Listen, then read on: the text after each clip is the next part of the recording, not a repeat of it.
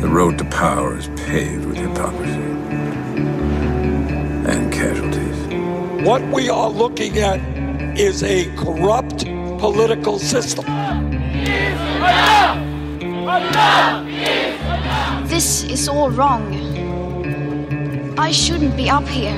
I say to the leader of the opposition, I will not be lectured about sexism and misogyny by this man. And yes, together we will make America great again. Crowd are people who believe in some conspiracy theories that are so broad and often bizarre, it's difficult to believe, to put it mildly. The Pentagon declassifying three videos of what they're calling unexplained aerial phenomena. To go and to get off your couch and to do something about it. Skratka, gospod Janša, jezo, ki ste si jo nakopali, za njo ste res sami krivi. Gre za to, da je nujno, da vlada odstopi čim prej. Kampanja X, Y.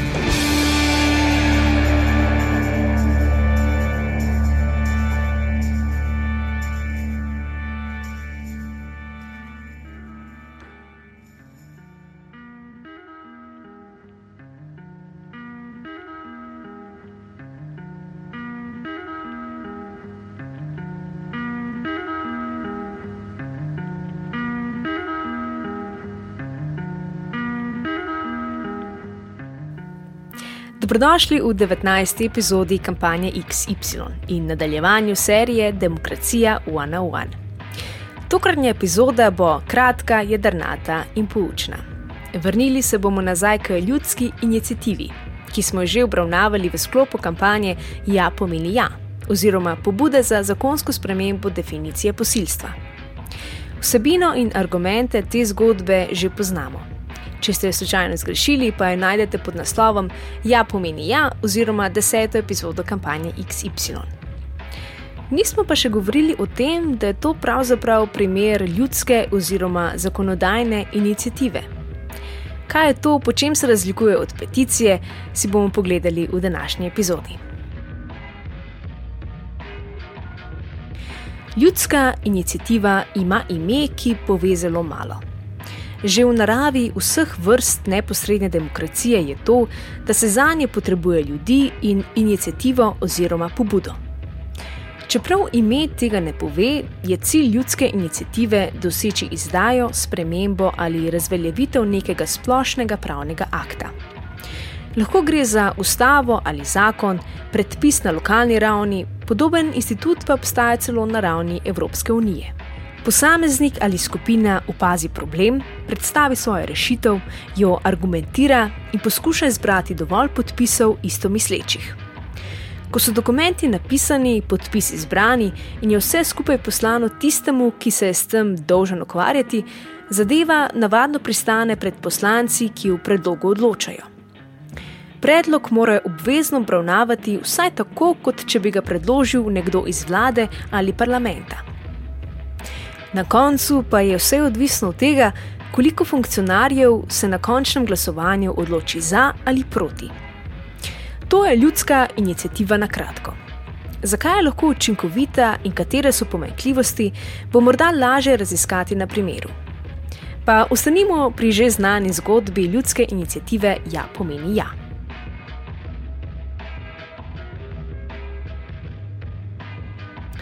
Definicija posilstva in spolnega nasilja v kazenskem zakoniku je bila še pred kratkim urejena na način, ki v veliko primerjih žrtev ne zaščiti. To je opazilo več aktivističnih skupin in posameznikov, pravnikov, celo vlada. Poleg tega smo se problematike vedno bolj zavedali. Svetovno gibanje MeToo in naše lokalno Nisi sama sta porinili v spredje tematiko spolnega nasilja ta pa sabo potegne tudi problem naše zastarele zakonodaje. Na neformalni ravni je zadeva napredovala, kazenski zakonik pa je ostajal isti.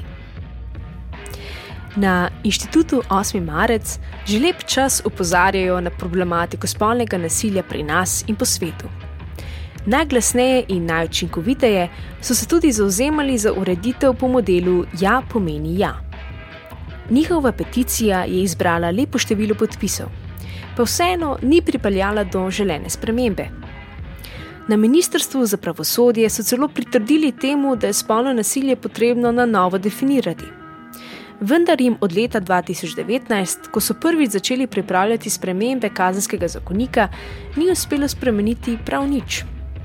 Za razliko od vlade se je aktivistkam in aktivistom inštituta 8. marec malce bolj mudilo. Posledično je nastala zakonska inicijativa.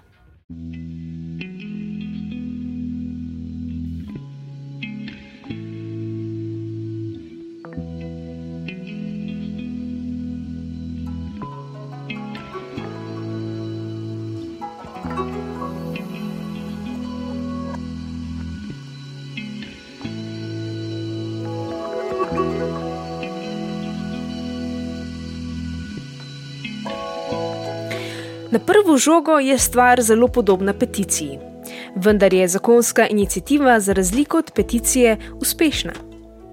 Pri obeh je šlo za predlog za spremembo, ki je prišel v parlament v upanju, da ga bodo tam potrdili. Glavna prednost ljudske inicijative, ki je bila tu odločilna, pa je, da državni zbor prisili, da o predlogu dejansko odločajo. Če je akcija uspešna in pravilno izvedena, mora zakonodajalec storiti več, kot da se zadevo samo seznani, kot je to pri peticiji. Večja obveza pa seveda zahteva tudi več formalnosti in birokracije. To je najbrž največji minus zakonske inicijative, sploh če ga primerjamo s peticijo, pri kateri so formalnosti res minimalne. Pa vendar se tudi s formalnimi zahtevami lahko uspešno borimo, kot je to uspelo inštitutu 8. marec. Prvi pogoj je, da je potrebno pripraviti predlog zakona. To pomeni konkretno zapisati, kaj želimo, da piše v nekem členu zakona.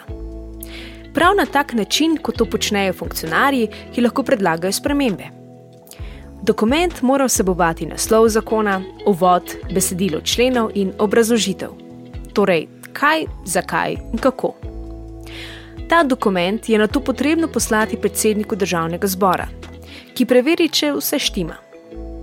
Potem v predlogu obvesti ministrstvo, ki določi čas, v katerem se zbirajo podpisi, in obrazec, ki ga morajo podporniki podpisati na upravni enoti ali preko e-uprave. Predlog za redefinicijo posilstva in spolnega nasilja je prestal vse te faze. Tudi naloga zbiranja 5000 podpisov je bila s pomočjo številnih prostovoljcev uspešno upravljena. Po zbranih podpisih parlament predlog obravnava po zakonodajnem postopku, ki se konča z glasovanjem. V našem primeru je več poslancev izbralo opcijo za. Čeprav sta posilstvo in spolno nasilje med najbolj negativnimi in krutimi človeškimi dejanji, smo vseeno tudi na tem področju dosegli pozitiven menik. Ja, pomeni ja model predstavlja velik korak v pravo smer. Pa vendar samo zapisati v zakon ne reši tako velikega družbenega problema kar avtomatsko. Dejstvo pa je, da bo postopek pred sodiščem v novih primerih veliko drugačen in predvsem boljši in učinkovitejši za žrtve spolnega nasilja in posilstva, kar je ogromna zmaga. Vse to se je zgodilo zaradi ljudske inicijative. Vlada in parlament nista naredila dovolj, čeprav so se funkcionarji zavedali, da problem obstaja. Vprašanje je, kaj bi se zgodilo brez skupine aktivistov, ki so spisali besedilo, ki ga funkcionarji niso uspeli sestaviti.